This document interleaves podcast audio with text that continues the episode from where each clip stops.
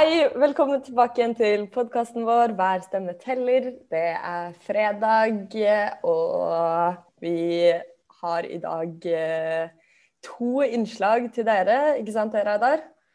Det har vi. Det er stas, og, stas at det er mye som skjer her. Så, så, det blir bra, og sola skinner.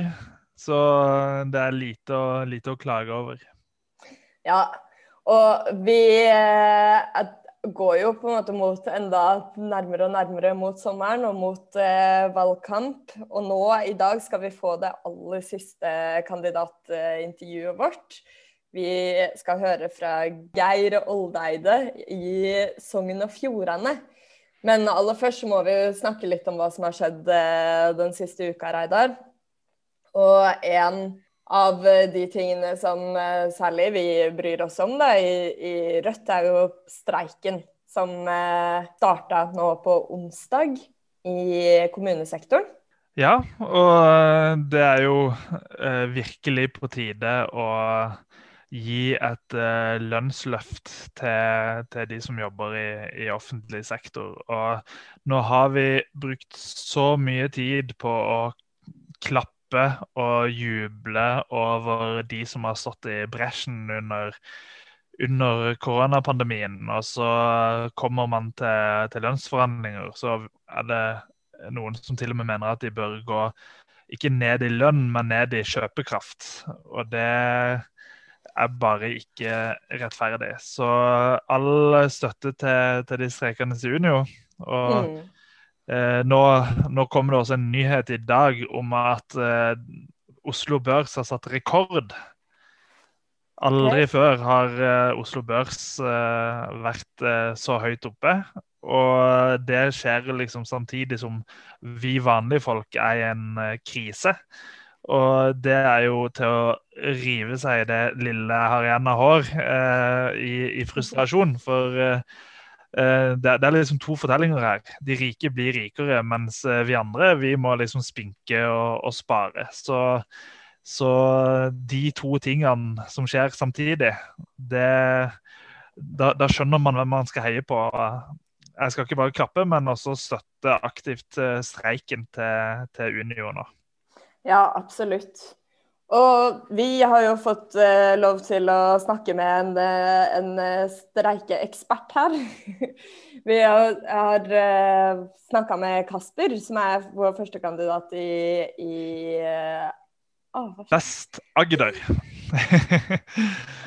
Mitt kjære, gamle hjemfylke som nå er en del av Agder. Så Men det er jo dødskult, dødskult at Rødt, og det, det, viser litt om hvilket parti Rødt er. da, At vi har kandidater som uh, står i, i, frontlinja, ikke bare som kandidater, men også uh, når det er streik. Så vi har jo uh, i hvert fall to lærere, kanskje flere nå, nå går det kanskje litt sakte i hodet mitt også, men vi har jo en eh, førstekandidat i Finnmark også som jeg ikke tror er tatt ut i streik, men som også kunne fort kan, kan bli det. Så eh, vi er et, eh, et eh, parti for eh, folk flest.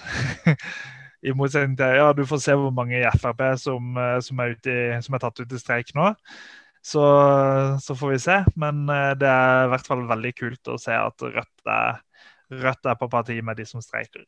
Ja, absolutt. La oss høre fra Kasper, som sitter uh, streikevakt. Uh, hei, Kasper.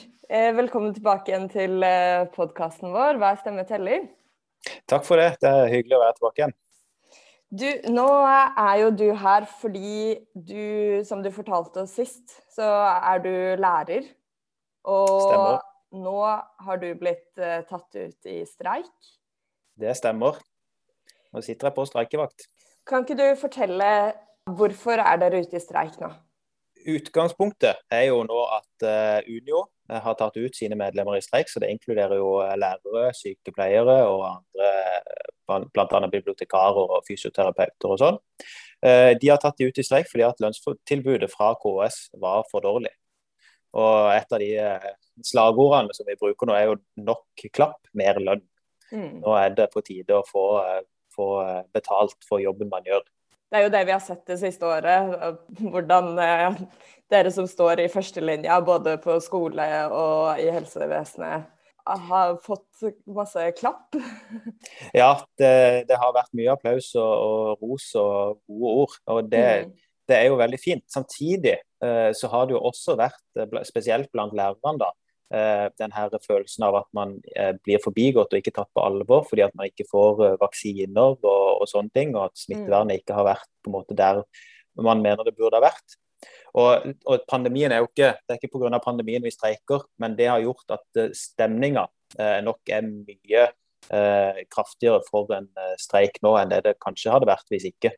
For folk mm. er veldig, veldig motiverte, opplever jeg. Ja, jeg får ønske om et uh, realt lønnsløft i deres sektor har jo vært der over lengre tid. enn, eller det var jo der før pandemien også. Det er nettopp det. For dette handler ikke om, eh, om, å få betalt for pandemien. Det er rett og slett sånn at lærere og sykepleiere at det er rekrutteringsutfordringer i de sektorene.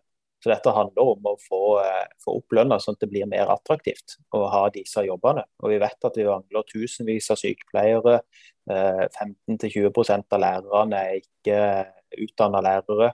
Altså, Det må gjøres mer attraktivt. og Det er det tydeligste virkemidlet eh, KS kan bruke, da, som jo anerkjenner at man må rekruttere flere av disse yrkesgruppene.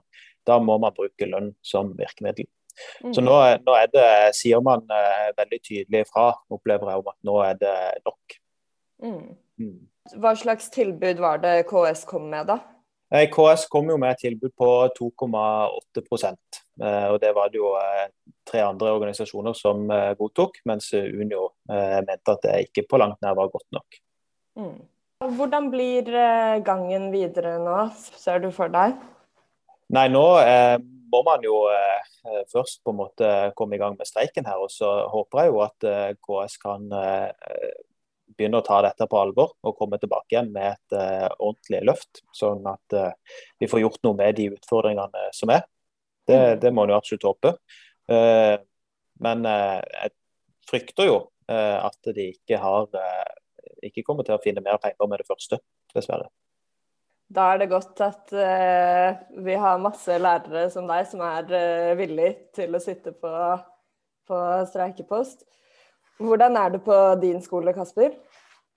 Du, Her er det god stemning, og eh, folk er veldig klare. Så nå prøver vi å, å, finne på diverse sprell og aktiviteter det blir jo en litt annen streik enn det det vanligvis ville vært pga. pandemien. Eh, sånn at eh, vi har allerede måttet eh, avlyse eller ikke kunne gjøre ting som vi har tenkt at har vært innafor smittevernmessig, men som viste seg å ikke være det. da.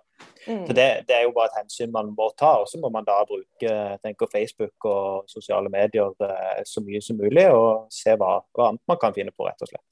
Mm. For Det er jo noe med, det, det, er fint å sitte på streikevakt, men eh, vi vil jo gjerne skape litt oppmerksomhet. og, og eh, ja, eh, bruke oss sjøl til å prøve å få vinne denne kampen. Da. Ja, absolutt. Og jeg tenkte, jeg ville spørre deg, Har du noen tips til, til folk som ønsker å vise at de støtter streiken? Ja, det Først og fremst, altså, Jo mer man kan eh, like å dele på Facebook, eh, det er jo kjempebra. Og andre sosiale medier for eh, den saks skyld. Men mm. jeg, jeg, vet også at eh, altså, det, en føler seg jo litt sånn eh, utsatt når man er på streik. Det er jo som å stå på stand, som vi har gjort mange ganger med Rødt også. Det, ja. det er litt eh, kan være litt skummelt for noen. og sånn, så Oppmuntrende ord når du ser noen som er på streik også, det vet jeg settes veldig stor pris på. Mm. Ja, det er jo uh, mulighet til å fremdeles uh, gå kanskje hvis man tar på seg munnbind og uh, servere litt kaffe, eller i hvert fall gå innom da, og si og hilse på. Ja, det er absolutt det. og Jeg så, jeg husker ikke hvilket rødt lag det var, men det var noen som har vært ute med kake allerede til streikende sykepleiere eller lærere. Men det, det, er jo sånne ting setter man jo pris på. Det huskes. Så det er absolutt mm. bra. Mm. Ja, dere må jo ha masse lykke til, da nå fremover. Takk for det. Det er jo eh, litt uh, uforutsigbart kanskje, å ikke helt vite hvordan uh, de neste dagene blir. Ja, det er jo en, en merkelig situasjon. altså Her planla vi for muntlig eksamen og klasseturer og alt mulig. og så så sitter vi plutselig i streik bare noen timer senere. Men det er, sånn er det. Nå er vi klare for å ta denne kampen, og jeg håper, håper vi står løpet ut denne gangen. Mm. Ja, absolutt. Og det er en kjempeviktig kamp å ta for hele samfunnet, tenker jeg. Det er jo det. Det handler jo om å få kvalifiserte arbeidstakere inn i noen veldig viktige yrker. Det er klart mm. at eh, både sykepleiere og lærere eh, det er viktig at det er dyktige fagfolk som gjør de jobbene. og De, eh, de tiltrekkes av mange ting, men også av lønn, selvfølgelig. Mm. Så det handler, Vi må få opp statusen, rett og slett. Absolutt. Ja, men Kasper, tusen takk for at du tok deg tid til å, til å, forklare oss eh, litt mer om eh, streiken. Og så må du ha masse lykke til videre ut dagen og også inn i neste uke. Takk for det. Det var Kasper som eh, sitter streikevakt i Kristiansand. Og jeg håper mange følger oppfordringen hans om å gå ut og, og, både gi oppmuntrende ord og gjerne et stykke kake og en kopp kaffe til de som sitter på streikevakt. Ja, det, blir de, de glad for. Så det, det, å vise de som streiker støtte, det er, det er kjempeviktig. Og det kan gjøres både fysisk og ikke minst eh, digitalt. Så i hvert fall på min Facebook nå, så ser jeg at eh, folk eh, har bytta til sånne Facebook-rammer hvor det står at man støtter streiken. Eh, det har jeg tenkt å gjøre i dag, og så oppfordrer jeg andre også til å gjøre det. Så det, det kan man gjøre f.eks. på mobilen. Så kan du gå inn på, på profilbildet ditt og velge Da får du opp alternativet som er å, å få på ramme. Og da kan du søke på Unio eh, inne, inne, der, og får muligheten til å velge sånn, en sånn ramme hvor det står 'Jeg støtter streiken'. Mm. Så det, det, anbefaler jeg alle å gjøre, for det er stor synlighet og, og viser at uh, de streikende har mange støttespillere. Mm. Det gjør det. Men Reidar, nå skal vi bevege oss uh, vestover til uh, Sogn og Fjordane, og vi skal snakke med Geir Oldeide, som er vår førstekandidat der. Og er det, er det noe vi burde vite om Geir før vi hører fra han, eller? Jeg har uh, kjent uh, Geir i ganske mange år etter hvert. Og han er en uh, lokalpolitiker som har jobba knallhardt i Vågsøy kommune. En av de kommunene som ikke finnes lenger som følge av kommunesammenslåinga sist. Og Eh, de har jo vært en stor motstander mot eh, tvangssammenslåing av kommuner, og spesielt sin egen, som er kanskje den mest absurde kommunesammenslåinga i Norge. Og Er du nysgjerrig på hvor absurd den er, så søk på eh, Kinn kommune, KINN eh, kommune, eh, på, på, internett, og se hvordan den kommunen ser ut. For eh, Vågsøy og Flora kommune, altså kommunen til Florø, Eh, de ligger ikke ved siden av hverandre. Så du må rett og slett ta båt eh, gjennom eh, flere ulike kommuner for å komme deg til fra, fra, den ene delen av kommunen til den andre. Så hvordan man har tenkt at det skal være samme kommune, det er fullstendig uforståelig. Og det er en av grunnene til at Geir blei eh, kjempepopulær lokalt i, i, forrige valg. De har gjort det sterkt der før også, og vært representert lenge. Men, men i forrige kommunevalg så fikk eh, Geir Oldeide og resten av Rødt over 20% hvis jeg husker riktig, i Vågsøy kommune. Så finnes jo ikke Vågsøy kommune lenger, så den er slått sammen med, med Florø og Flora, som, er, som er, har litt flere innbyggere. Så til sammen så fikk de vel 8-9% så vidt jeg husker. Men, men, hadde det vært de gamle kommunegrensene som gjaldt, så hadde altså eh, kommun, den gamle kommunen til Geir vært Nor Norges rødeste kommune. Så får vi se da om Geir som førstekandidat klarer å løfte hele fylket til, til det nivået. Og vi får snakke litt tall nå etterpå, men eh, jeg tror de kan eh, gjøre en eh, veldig god innsats i, i Sogn og Fjordane og få til et skikkelig rekordvalg også der. Mm. La oss høre fra han. Her er intervjuet vårt med Geir Oldeide. Hei, da har jeg fått med meg Geir i vårt virtuelle studio her. Hei Geir, velkommen. Hei, takk for det. Takk for at jeg fikk komme. Du er førstekandidat for Rødt i Sogn og Fjordane. Hvordan, eh, hvordan kjennes det akkurat nå? Jo, eh, greit egentlig. Altså, jeg er sikkert den eldste kandidaten for Rødt òg til dette valget. Førstekandidaten i hvert fall. Så jeg, jeg er faktisk nettopp gått av med pensjon fra et langt arbeidsliv. og Eh, så nå eh, er jeg politiker på, på heltid, for å si det sånn. Pensjonist og, og skal styre med valgkamp nå helt fram til valget. Jeg gratulerer så, med takk for det. pensjonisttilværelsen. ja. Men å gå ja. over til å bli fulltidspolitiker er jo ikke akkurat uh, fri, det? Nei, og det er en litt rar måte på en måte å avslutte karrieren med å, å uh, gå fra å bli pensjon, pensjonist til å bli kanskje stortingsrepresentant. Så, men eh, altså, det er jo noe som Ja, du brukte jo litt tid på å si ja til å stå på topp på den lista. Ut ifra det at eh, det er jo helt nytt det at vi faktisk er i posisjon til at vi kan ende opp med et mandat til og med fra Sogn og Fjordane. Mm. Og det, det, har vel ikke, den, den, situasjonen har ikke oppstått før, og det er jo ikke sikkert han kommer igjen heller. og Det handler jo selvfølgelig litt om hva slags, hva slags fylkes- og regionsammensetning vi ender opp med til slutt.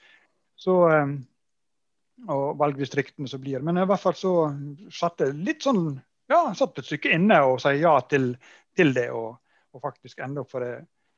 Det er jo noe helt annet. Én ting å være folkevalgt på lokalplanet og forholde seg til alle lovene som noen har nå bestemt og utforma. Og, Sånn har jo vi i Rødt stort sett vært veldig flinke til på en måte å lese oss opp på lov og regler og funnet ut hvordan vi skal eh, utnytte det meste til det, til det beste, beste, men eh, skulle være med å lage de lovene sjøl, det blir liksom litt annerledes. Ja. ja, det er jo et valg med ganske store, store forventninger. Både at vi virkelig altså vi trenger jo et regjeringsskifte, og nettopp det du sier med at den spesielle posisjonen vi i Rødt er i nå, da, hvor vi skal jo over den sperregrensa.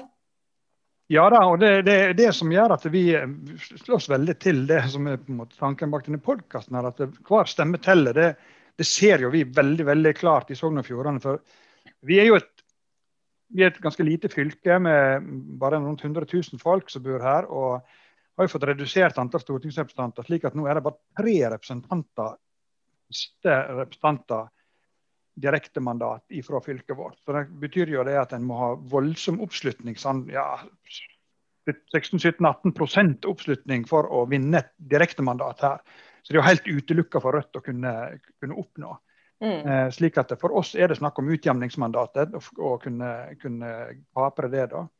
Men det er jo ikke noe usannsynlig at vi skal greie. Eh, og Derfor så har vi lagt opp et løp der vi skal være med og sikre det at vi skal over sperregrensa. At vi skal gjøre vår del her i Sogn og Fjordane for det. Og har ganske bra hårete mål for hva vi tenker vi skal greie når det gjelder stemme her. Da. Og så um, ser det faktisk ganske sånn det er spesielt eh, artig lyst ut, fordi at jeg har fulgt med på Follow Polls sine, sine menings, oppsamla meningsmålinger. og Mm. Og de, når Rødt bryter sperregrensa, så ser det ut for at um, vi er i Sogn og Fjordane Hvis man skal stole på Poll og Poll sine utregninger for mandatene, så, så, er det Rødt som desidert oftest stikker av med utjevningsmandatet fra Sogn og Fjordane, hvis vi, hvis vi bryter sperregrensa totalt.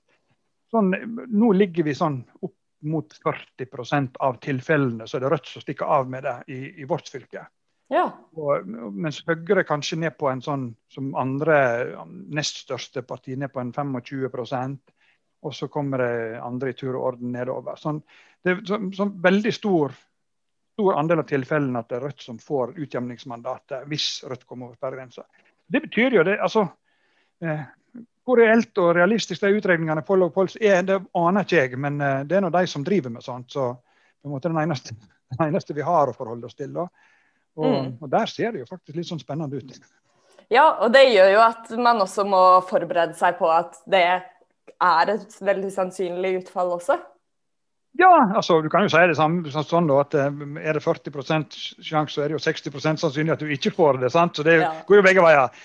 Men, men, likevel, altså, mentalt må jeg innstille meg på det at jo, det kan hende at etter september så er jeg faktisk stortingsrepresentant. Og det er jo litt sånn skrekkblandet fryd bakom der, altså. ja, det var kort pensjonisttilværelse i hvert fall. ja, det ble det. Sant? Ja. ja. men eh, Geir, vi må jo høre litt om Kan ikke du fortelle litt om, om bakgrunnen din? og Hva er det som har gjort at du ble med i Rødt? Ja, det er nesten sånn at det er for, for, for lenge siden jeg å huske eh, hvor tid jeg begynte med den typen politikk. For jeg er jo en av de her Eh, delvis utskjelte gamle AKP-erne som har overlevd i, i Rødt. Jeg eh, ble med i, eh, i Rød Ungdom i, langt tilbake på midten av 70-tallet. Og var, var, med i min første valgkamp i 1977, i stortingsvalget da.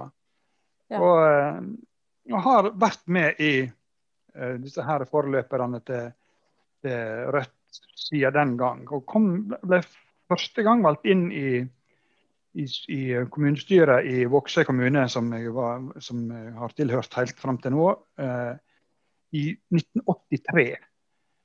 Og har jeg vet mange år jeg har, jeg har vært noen perioder ute òg, men, eh, men eh, jeg lurer på om det er min sjette periode i, som folkevalgt lokalt eller et eller annet sånt, som gjør at jeg eh, har veldig lang erfaring i å drive med politikk. Og stort sett så så har jeg vært aktiv i, i det med altså kommunepolitikk. Jeg har vært inn, så vidt innom fylkestinget òg i Sogn og Fjordane. Men så jobben min som i fiskeindustrien her Nesten si på en måte så er jeg måler samfunnet litt som sånn typisk nordnorsk fiskevær. Det er bygd opp på fiskeri og fiskeindustri.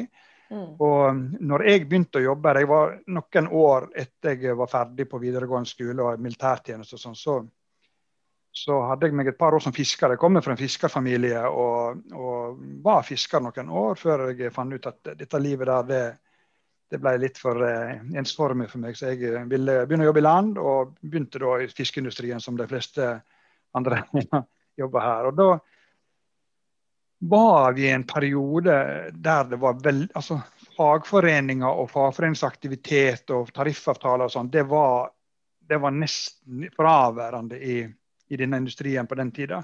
Mm. Ja, og det var veldig sånn nessekongementalitet der de som eide bedriftene, de eide folkene, og en voldsom eh, respekt og redsel blant arbeidsfolk for de som Eh, eide samfunnet her. på en måte. Og, og, det å være med å bygge opp Vi gikk på en måte til verket med en gang da med å begynne å bygge, få, få på plass fagforeninger og bygge opp uh, tariffavtalesystemene og alt dette her. Som fantes andre plasser, selvfølgelig. Det var ikke det at vi måtte finne opp hjulet, men det var i hvert fall slik at å, rekruttere folk og bygge opp fagforeningene, det var et uh, tøft, tøft, arbeid altså, som var veldig, veldig mye motstand mot og, og harde kamper på. Så det lærte mye på det, og var, var, i spissen for det arbeidet i veldig mange år.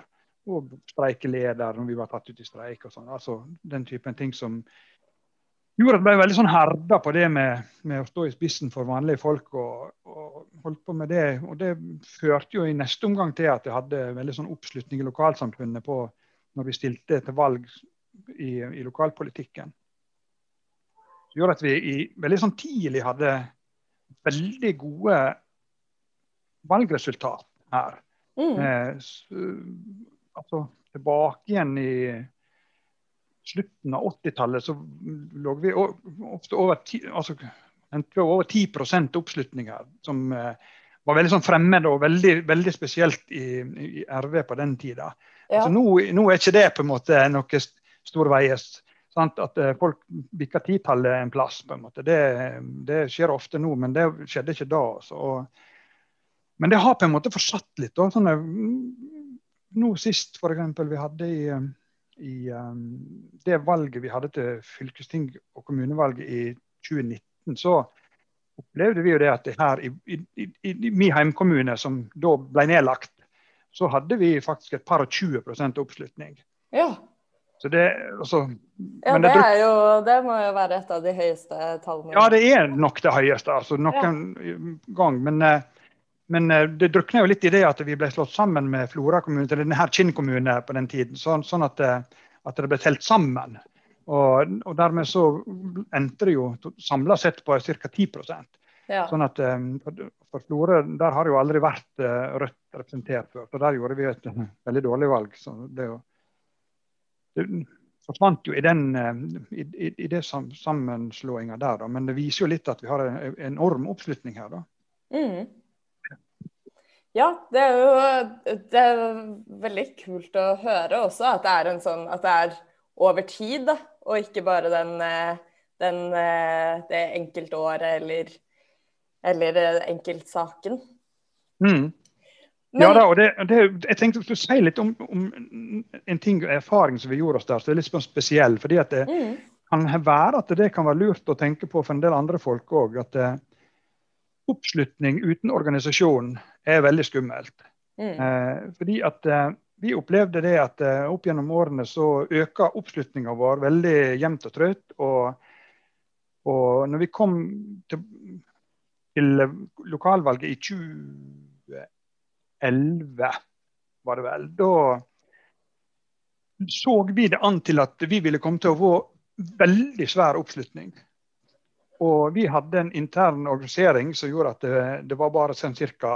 et par personer som var interessert i å jobbe med kommunalpolitikk i laget her i Rødt-laget. Og, og, eh, vi fant ut at dette går ikke opp. Vi kommer til å få kanskje en plass mellom 15-20 eh, stem, stemmeoppslutning i valget, og ingen var interessert i å jobbe med dette her.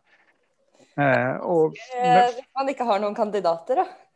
Ja, så Vi skulle jo alltid greie å skrape sammen en liste på sju personer nok til å stille til valget. Det var ikke noe problem. Men mange av dem gjorde det for meg å si sånn at du kan få bruke mitt navn, men, ikke, men vi, vi, vil ikke være med å jobbe etter valget. Mm. Så jeg har ikke lyst til å bli valgt inn. liksom, sant? Når vi da anså det at vi trodde vi ville kanskje få en plass mellom 15 og 20 oppslutning. Så vi endte med å la være å stille liste. Vi hoppa av.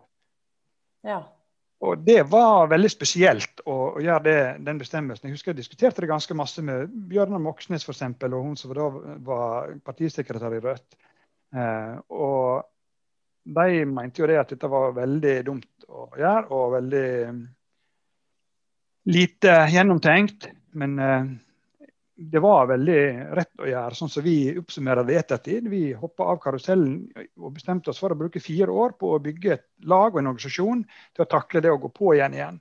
Mm. Kanskje åtte år hvis vi ikke ville greie det. Og etter fire år så diskuterte vi igjen er vi sterke nok nå til å gjøre det.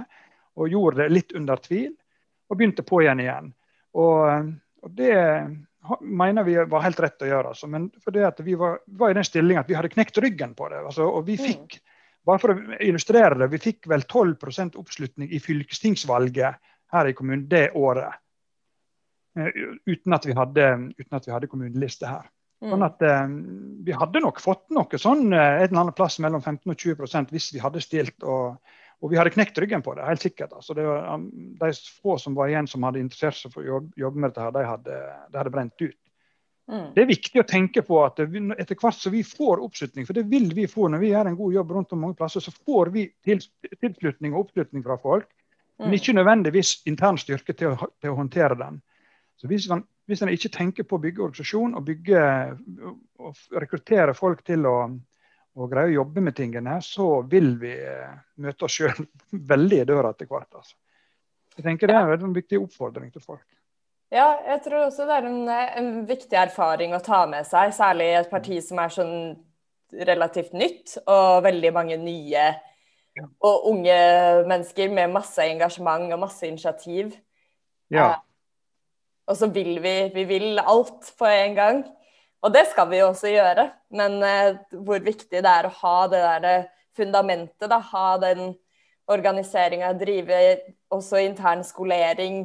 Det er, jo, det er, jo, ganske stor forskjell, det vet jo sikkert du, på det å, å, gå fra å være aktivist til å plutselig skulle sitte i et kommunestyre og sitte og behandle saker, ikke sant? Ja da, det er to verdener på mange måter. Sant? Men det, det, er jo slik at det, det er nesten uansett på en måte hva saken en kommer inn i, så har det sin egen, egen eh, verden på en måte med, egen tilnærming til hvordan en jobber. og det Sånn blir det jo med det med å være folkevalgt òg. Men, eh, men, det det handler på en måte om, det er at de folkene som bestemmer seg for å jobbe med dette, her, de må forstå det at det er veldig mye arbeid. og det er det, det, er, det må folk ville. Eh, vi har jo tenkt sånn i, i lokallaget vårt i Rødt her at vi aksepterer og mener det at det her er, er, folk som ikke ønsker å drive med kommunalpolitikk. Som gjerne vil først og fremst eh, jobbe med natur- og miljøvern eller kvinnepolitikk eller hva det er for noe. Men, men eh, det må være lystbetont òg. Folk må ønske og ville å jobbe med ting. Det kan ikke være på plikt. Det går en veldig kort periode, og så, så går ikke det lenger.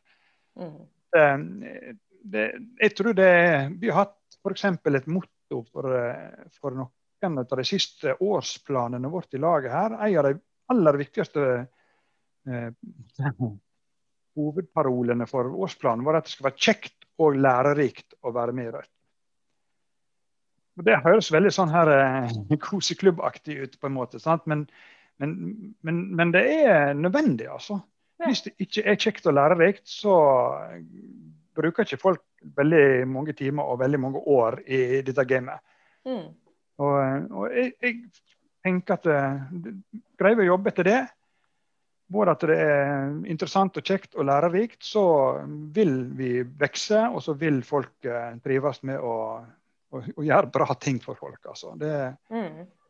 Det er jo den fellesskapsfølelsen vi jo ønsker å bygge også. Det at man føler mm. at OK, her er man del av noe større. Man har kamerater som, i ryggen som støtter og hjelper og heier og er med. Ja.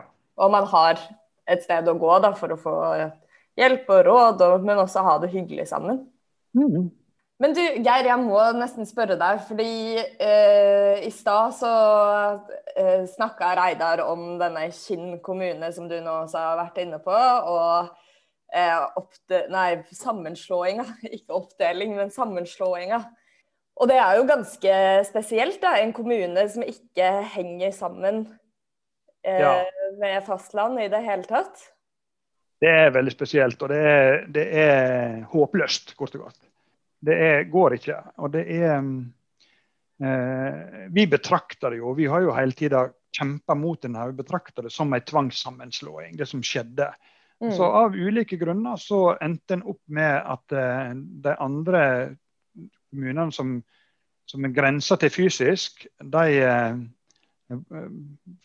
var ikke interessert, og, og Vågsøy var ikke interessert i å slå seg sammen med, med dem.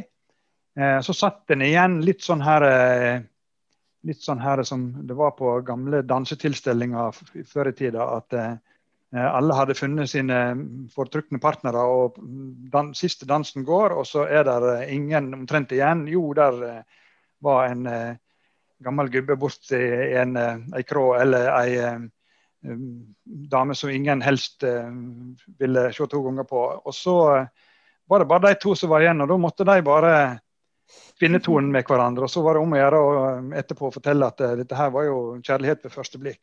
Og Det var det jo selvfølgelig ikke. Dette her var tullete greie som to Arbeiderpartiordførere greide å finne på. Og så fikk de noe backup fra noen folk i næringslivet på at dette var en smart og fornuftig greie. Og så drev de intens lobbying overfor uh, stortingspartiene sine og fikk dette her til nesten, som et benkeforslag når, når reformen ble vedtatt i Stortinget. Så kom dette her inn som sånn, litt sånn fra sidelinja og ble vedtatt.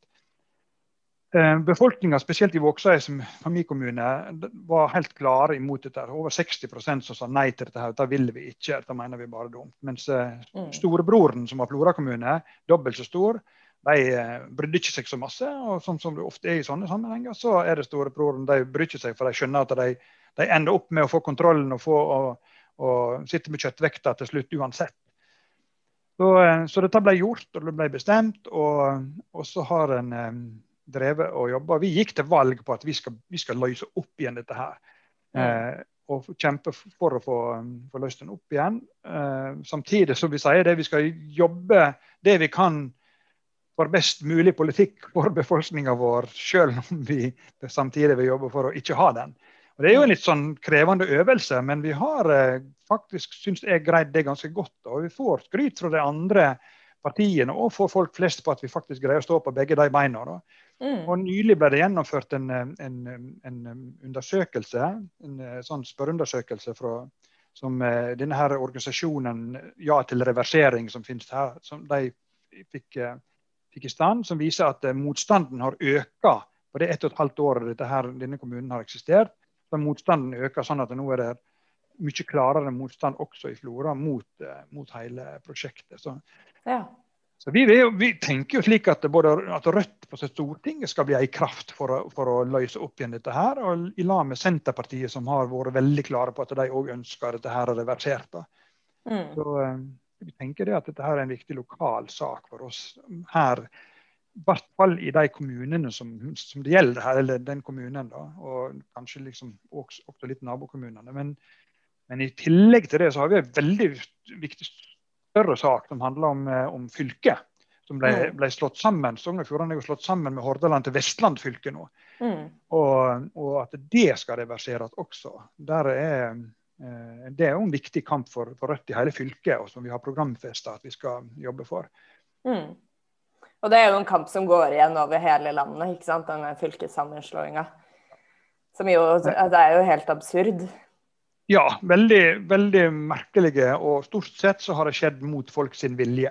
Mm. Iallfall i, den, i, i, i lillebror-fylkene så er det slik. Og her, også her i Sogn og Fjordane, som er lillebroren til Hordaland i dette tilfellet, der der er det veldig stor motstand. der Flere undersøkelser har vist at 60% av befolkninga og kanskje over det ønsker å reversere denne sammenslåinga til Vestland. Mm. Ja, så sånn jeg skjønner deg, så er det Det blir jo en hva skal vi si, mobiliseringssak frem mot valget nå, i valgkampen? Ja, det, vi har plukka ut to saker i, lokalt her som vi i tillegg til de fire hovedsakene til Rødt eh, på landsbasis, så har vi plukka ut to saker som vi legger spesielt vekt på i Sogn og Fjordane. Og det er den reverseringssaken for å gjenopprette disse to fylkene. Mm. Og så eh, er det da det med vindkraft, som er en veldig veldig viktig sak i, i fylket vårt òg. De to sakene kjører vi ekstra fram i tillegg til de fire sakene fra Rødt sentralt. Mm. Ja, for Hvordan er det med vindkraft i Sogn og Fjordane? Er det planlagte prosjekter, eller? Ja. ja. Veldig, veldig mange. Der er utbygd mange anlegg. Eh, og der er mange anlegg på trappene. Og, eh, både i innlands og i sjø. Og eh, stor motstand mot det. Mm. Både i, i blant befolkninga som blir ramma av turbinene som blir satt opp, men òg i de kommunene og kommunestyrene som, som, blir satt til å behandle og ta stilling til disse her. Det gjelder både inne i Sunnfjord-området, rundt Førde og Høyanger, og det gjelder ute på Lutelandet, som for øvrig nå sannsynligvis ble stoppa av statsforvalteren eh, i Vestland. Men uh, Bremanger kommune, som er nabokommunen vår her, Eh, helt ut, ut, på kysten, som fra før er belemra med to anlegg, eh, som nå kanskje skal få det tredje eh, anlegget i, i enkelt enkeltkommune. I tillegg til at det er planlagt to eh, anlegg til havs rett, rett ut forbi Fjæresteinene, for å si det sånn, i Bremanger kommune. Så det må jo være kanskje Norges mest pepra kommune med vindturbiner, hvis dette her blir alvoret av de planene. da. Mm. Så det, det, som Rødt, når Rødt gjorde de vedtakene en gjorde på, på landsmøtet nå, så var det jo veldig godt mottatt i motvindmiljøene i, her i fylket vårt og i, i disse områdene her. Da, som, så Rødt har veldig høy stjerne nå i, i, i store deler av, av mm. fylket pga. Eh, vindpolitikken vår. Da. Ja. Jeg tror det er kjempeviktig også. Det er jo flere jeg snakker med eh, av våre folk oppover langs kysten også, hvor vindkraft blir en stor sak. Og er det, men blir det nå frem mot valget. Og jeg tror jeg blir mm. så imponert og syns det også er så viktig da, at eh, Jeg tror det er, det er, mange av disse debattene som, ikke, som aktivt misforstås eller ikke vil, ikke vil, forstås. Og så handler det om det handler om folk sine lokalsamfunn, og det handler om også lokal styringsmakt, ikke sant? Til å kunne si hvordan man vil ha det rundt seg, hvordan, hvordan samfunnet skal drives der man bor. Så det er jo en, en sak som i aller høyeste grad handler om demokrati også. Ja, det er det. Og så opplever jo folk det at eh, altså, det er sånn Sindige folk som sitter i kommunestyret, som opplever det at eh, de diskuterer, går gjennom, tar stilling til eh, konsesjonssøknader eller, eh, eller dispensasjonssøknader på, i forhold til mm, arealplanene sine og sånn. Og så, og så foretar en modne, gode overveininger og avveininger på det. Og så opplever en det at når dette her senere blir behandla av statlige myndigheter, så blir det sett totalt bort fra. Så det, da, er det, da er det Med et bitte lite pennestrøk så blir viktige konsesjonsbestemmelser bare satt til sides og forandra. Mm. Så En føler seg veldig overkjørt veldig fort. Altså. Det, og det, det, er, det er på en måte både representanter fra regjeringspartiene og fra altså det, det går veldig bredt at eh, folk opplever seg overkjørt på en, mm. på en, veldig spesiell måte i disse sakene. her. Mm. For eksempel, En sak som nettopp, ganske nylig kom opp nå, det er et anlegg som er på Stadlandet.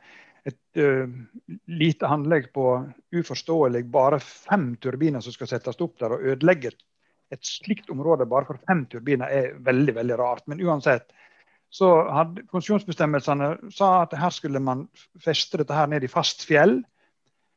Og så viser det seg det at den, de som skal bygge Okla som skal bygge ut dette, her, de, de har ikke gidda å sjekke skikkelig grunn, grunnforholdene. slik at når de skulle begynne å, å sette opp fundamentene, så ser de at det er ikke det er ikke muligheter for å få det ned på fast fjell. Hva, så, hva, gjør man da? Jo, da søker man selvfølgelig om å få endre teknologien til at en skal bygge noen svære betongfundament isteden, som man skal sette dem på. Og Det er klart det strider jo mot eh, mot den konsesjonsbestemmelsen man har hatt før. Og så søker man det, og så, og så får man det innvilga.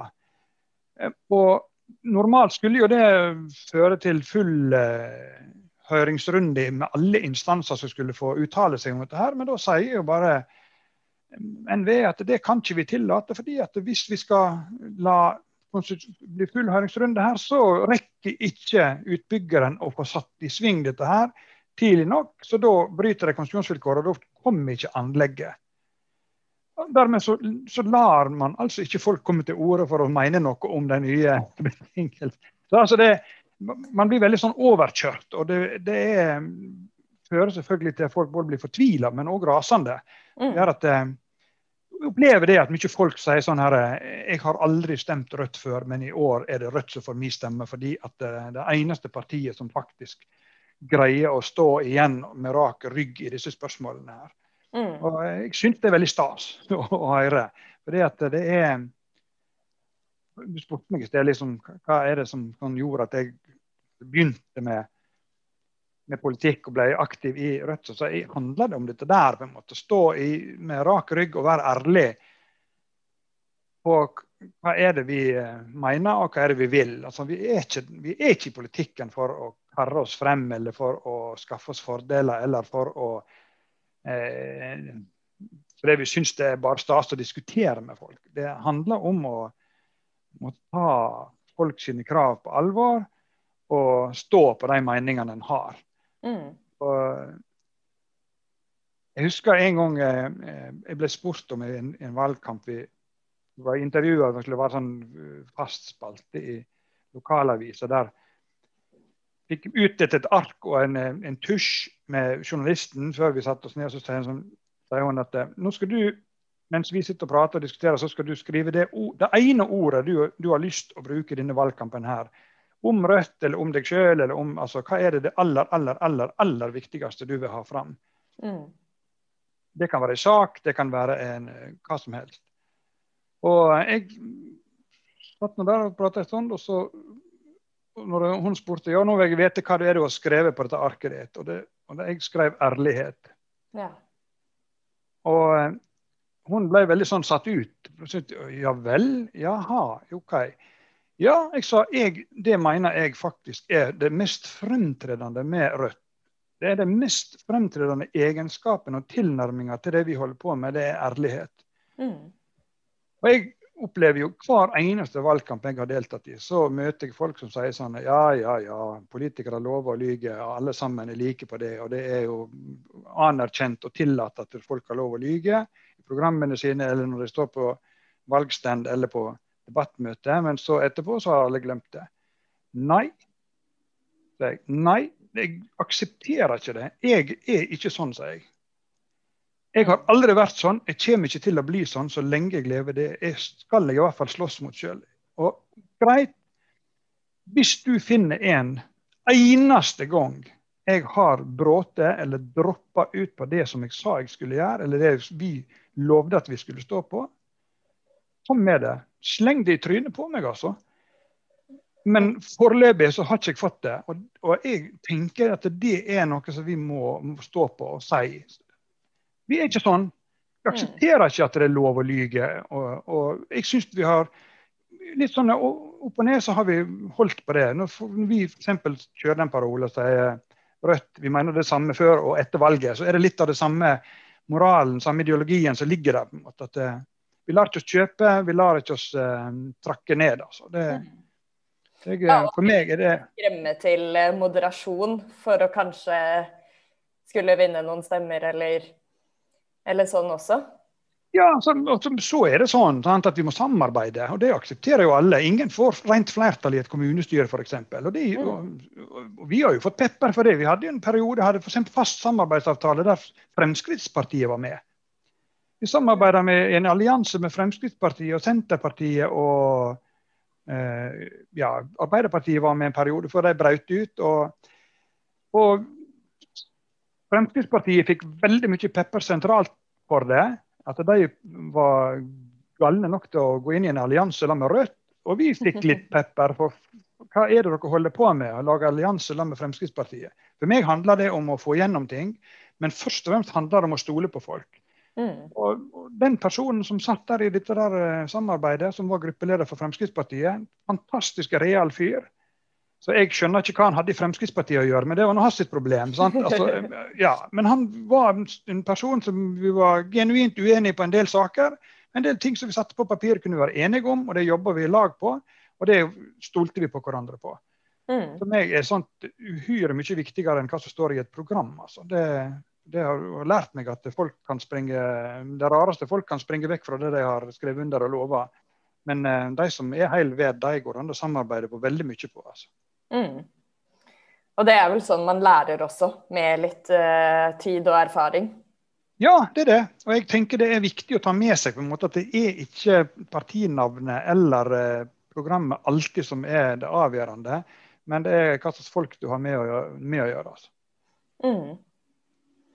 Du Geir, vi skal begynne å runde av snart, men jeg må jo mm. høre med deg hvordan er stemninga i Rødt i Sogn og Fjordane nå? Er det, begynner folk å bli klare for valgkamp? Og hvordan driver man valgkamp i et fylke som både har delte kommuner og fjord og fjell? og jo, altså vi er det. Vi er klare. Vi, vi er på gang, for så vidt. altså. Vi har gode planer og gode mål. Vi, vi tenker oss at vi skal greie å greie sånn dobling er målet vårt. En dobling fra fylkestingsvalget sist. Mm. Som var et rekordvalg for Rødt da. Og Det vil tilsvare sånn grovt sett en firdobling fra, fra 2017. Eh, så det er bra hårete.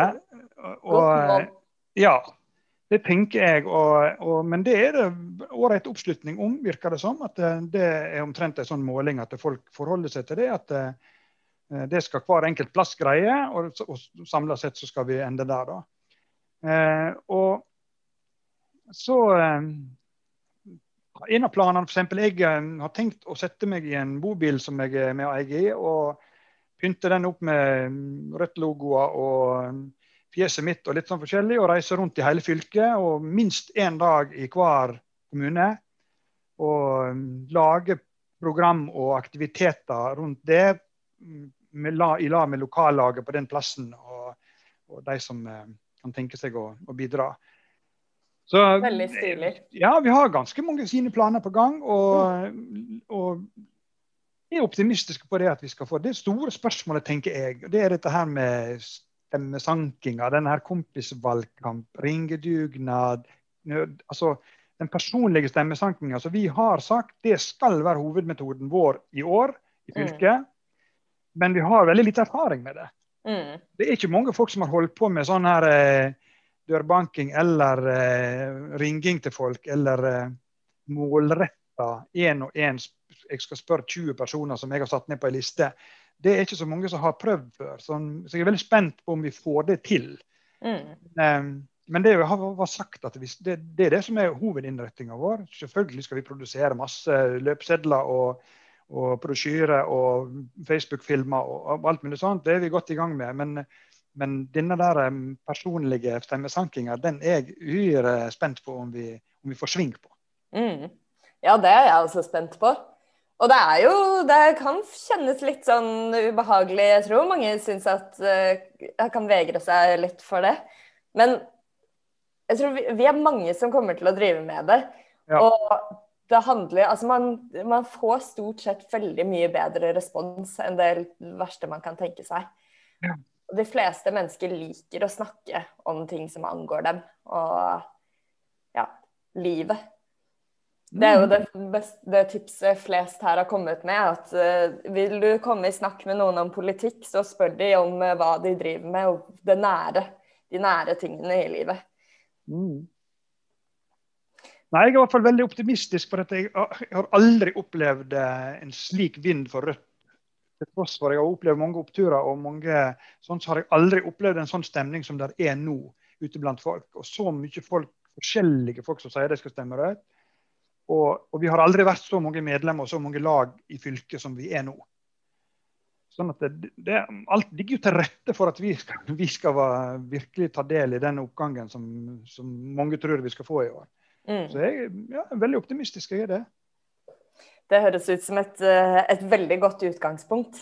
Mm. Jeg gleder meg til å se bilder og kanskje video også av campingvogna. Ja, ja, ja.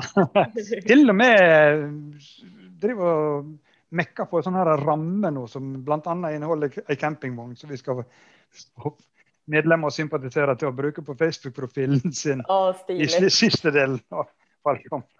Ja, det er veldig bra. Ja, men Geir, tusen takk for uh, praten. Det var uh, hyggelig å høre litt mer om deg. Og ja. masse lykke til i tida nå fremover. Takk for det, og likeså. Krysser fingrene at, uh, at pensjonisttilværelsen din ble så kort som den ble. ja. og at ja. Nei, vi skal gjøre et brakvalg til høsten. Det satser vi på. Mm. Det var praten vår med Geir. Og nå, Reidar, må vi jo høre litt hvordan det står til med tallene for Sogn og Fjordane. Absolutt. Og vi håper jo alle at Geir er en av de som skal komme inn og representere Rødt på, på Stortinget fra høsten av. Så er det spennende å se uh, det går, selvfølgelig. I Sogn og Fjordane er ikke et av de mest befolka stortingsdistriktene Norge har. Så Eh, det skal litt til å komme inn med direktemandat. Eh, da må man opp i For å være matematisk sikre på å komme inn, så må man opp i 28 Da er du 100% sikker på å komme inn. Eh, så kan man nok gå ned et stykke. Eh, jeg kan jo se f.eks. Ja, Arbeiderpartiet på forrige måling så fikk de 22% og kom inn med én. Og så får Senterpartiet de to siste direktemandatene, som har ja, nærmere 40 da. Eh, og det er jo sånn, eh, sånn, dette fylket ser ut, eller dette stortingsvalgdistriktet ser ut. Eh, så spørsmålet er om eh, det er sjanse til å komme inn på utjevningsmandat. Uh, og det er ikke umulig. Men uh, det kommer litt an på hvordan det går med, med de andre partiene. Om vi blir større enn uh, enn de andre litt mindre partiene som havner over sperregrensa. Og så er mm. det et regnestykke med hvor mange utjevningsmandater f.eks. Høyre ender opp med å få, da, som i siste måling i Sogn og Fjordane fikk eh, rundt 14% som betydde at de ikke kom inn. Da blir jo på en måte alle de stemmene deres kasta inn i potten om utjevningsmandater fordi de ikke blir brukt til, til noe. Mm. Eh, så, men jeg kan eh, gå inn her og se også eh, på tallene til Poll of Polls, og der eh, står det at 7% av gangene Nei, i, ja, i, ganske mange av de, de, målingene som har vært, av de landsdekkende målingene, mm. så ja, skal vi se, syv av de siste 50 det er sånn det er, syv av de siste 50 målingene som har vært, så har eh, Rødt kommet inn med utjevningsmandatet i Sogn og Fjordane. Eh, så Men eh, her er det basert på valgresultatet fra sist, og hvordan mm. de stemmene ble fordelt ut i landet. Så det er jo et nytt valg, og det blir nye tall. Eh, så dette er å ta med en klype salt, men det viser at, at eh, det er gode muligheter for å, for å få utjevningsmandat også i Sogn og Fjordane. Men eh, det fordrer for det første at man gjør et spesielt godt valg i Sogn og Fjordane. Og at man er litt heldig med matematikken rundt omkring i resten av landet. Eh, så, men begge de to tingene er fullt mulig. Eh, så brett opp ermene i, i Sogn og Fjordane og gamp på, så, så, blir dette bra. Eh, og jeg vet jo det at eh, jeg følger jo ganske mye med på hva som skjer rundt omkring i organisasjonen. Og, og, mm. og Sogn og Fjordane er veldig godt organisert rundt denne valgkampen. og uh, gjør, en, gjør, en, veldig god, god jobb. Så jeg har troa på at de, de, skal lykkes. Og de har jo kommet inn nå siden forrige valg i veldig mange kommunestyrer rundt omkring. F.eks. så brøyt jo eh, Rødt gjennom og fikk et gjennombrudd i, eh, i Åredal, som er en industrikommune, hvor, hvor vi også gjorde det veldig, veldig sterkt. Vi fikk vel noe sånn som 6% og fikk en kommunestyrerepresentant. Et sted som har vært en bastion for Arbeiderpartiet. Så Uh, vi, Rødt kan både tjene mye i Sogn og Fjordane på, uh, på distriktsopprøret og uh, at de er tvangssammenslått med, med Hordaland til Vestland fylke, og ikke minst noen av disse absurde kommunesammenslåingene som dere har fått høre om.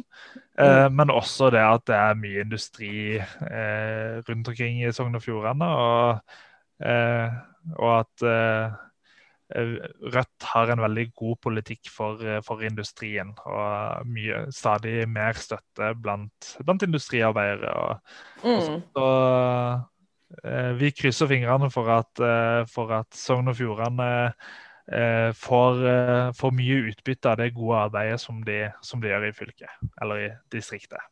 Ja, det håper jeg virkelig. Og Reidar, hvis man har, hører på oss nå og tenker at sånn, wow, ok, nå er tiden inne for å virkelig sette inn innsatsen og, og bli med på, på, valgkampen fremover.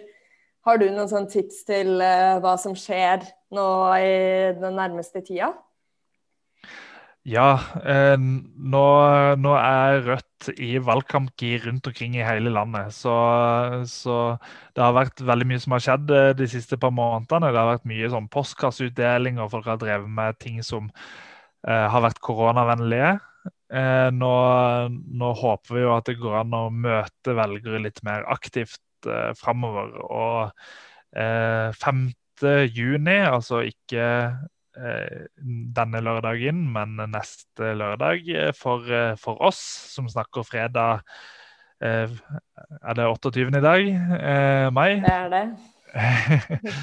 så, så 5. juni er det nasjonal aksjonsdag for gratis tannhelse. og Da kommer lokaler rundt omkring i hele Norge til å, til å delta og dele ut løpesedler, enten på, på torget eller i postkassa da også. Eh, så sjekk ut med ditt nærmeste lokallag eh, om, eh, om, det er noe som skjer. Det tror jeg det er. Og over 70 av våre 100, rundt 190 lokallag har bestilt tannbørster til utdeling denne aksjonsdagen. Så rundt omkring i hele landet skal vi da dele ut eh, bambustannbørster som er miljøvennlige, med inngravert rødt logo og og skriften 'gratis tannhelse', eh, ja, takk til, eller ja til gratis tannhelse på, på de tannbørstene, som kan eh, deles ut til, til, velgere. For å både passe på at de får eh, rene og pene og sunne tenner, og at de husker på at det er Rødt som virkelig har planer om å, å kjempe gjennom en tannhelsereform som gjør at tannhelse faktisk regnes som en del av kroppen. Så, så, ta kontakt med ditt nærmeste lokallag. Du finner det på rødt.no partiet. Så finner du eh, lokallaget som er nærmest deg, og meld deg til, til tjeneste. Det er veldig kult. Og en veldig, veldig viktig sak også. Som jeg tror det er lett å, å gjøre aksjonsdag på. da. Hvem sier vel nei til en tannbørste? Ikke sant. Og, og Rødt har jo en, en god politikk eh, på tannhelse, og vi har vist veldig konkret eh, veien Eh, til gratis tannhelse. Så det er jo For det første er det jo en ja-sak. Folk syns det er kult, folk er enige. Det er helt logisk at tennene skal være en del av kroppen. Og, og, det er ikke for dyrt. Så Rødt har foreslått det i statsbudsjettet sist. I Rødt sitt forslag til statsbudsjett så har vi foreslått starten på gratis tannhelse. At det skal bli gratis for for uh, unge folk og for litt eldre folk. Og så skal man til slutt ende opp der med at det skal være gratis for alle gjennom, gjennom noen år. Da. Men vi har løypa for å komme dit, og er klare til å kjempe for det i forhandlinger med, med en framtidig, forhåpentligvis ikke mørkeblå regjering. Det stemmer. Nå, er, nå håper jeg at folk er i valgkampmodus, så del rødt eh, innhold på sosiale medier, som jo er en koronavennlig aktivitet. Vis at du støtter streiken. Bytt til streikramme, gjerne, eh, som, som, vi nevnte. Eh, og så er det masse ting det går an å gjøre. F.eks. så har du litt ekstra tid nå i helga til å, til å få rødt over sperregrensa. Så går det an å Eh, ringe eh, på ringesentralen.no. og Det er det også mange lokallag nå som holder på med jevnlig. Eh, så på ringesentralen.no så kan du opprette din egen profil. og hvis du først ønsker litt kursing, som jo gjerne er greit, få tips til hvordan du kan, kan ringe på en god måte, så, så kan du bli med stort sett hver torsdag. så så har man sånne eh, Zoom-innledninger Zoom hvor, man, hvor, man, får opplæring i hvordan man bruker Zoom, og hvor du kan bli kjent med en kandidat. Og alle disse, eh, alle disse datoene og, og, hvilke kandidater, eh, første kandidater det er som, som møter opp på disse samlingene, finner du på rødt.no valgkampkalender. Ja. Der finner du oversikten altså rødt.no valgkampkalender. Der finner du oversikten over alle eh, dagene hvor, eh, hvor eh, førstekandidater stiller på disse ringekveldene. Så kan man sitte og ringe etter, etter kurset. Så det, det har det vært noen allerede. Det har vært veldig trivelig. Så oppfordrer alle til å, til å være med på det. Og gjerne dra med deg hvis du er med i et lokallag. Dra med deg noen flere fra lokallag og, og bli med. Mm. Ja, den valgkampkalenderen eh, anbefaler jeg å bare lagre som favoritt i nettleseren din med en gang. Ja, det er mye som skal skje framover fram mot, eh, fram mot, valget, så det å ha den oversikten, det er bra. Så kan man jo sitte med sin egen kalender og, og overføre litt informasjon også, for å, for å, passe på at man eh, faktisk blir påminnet de viktige datoene. Ja, det er en god idé. Mm. Ja, men Tusen takk for i dag, Reidar. Vi høres igjen i neste uke. Vi høres igjen. Ha det godt. Kos deg i sola. takk, takk.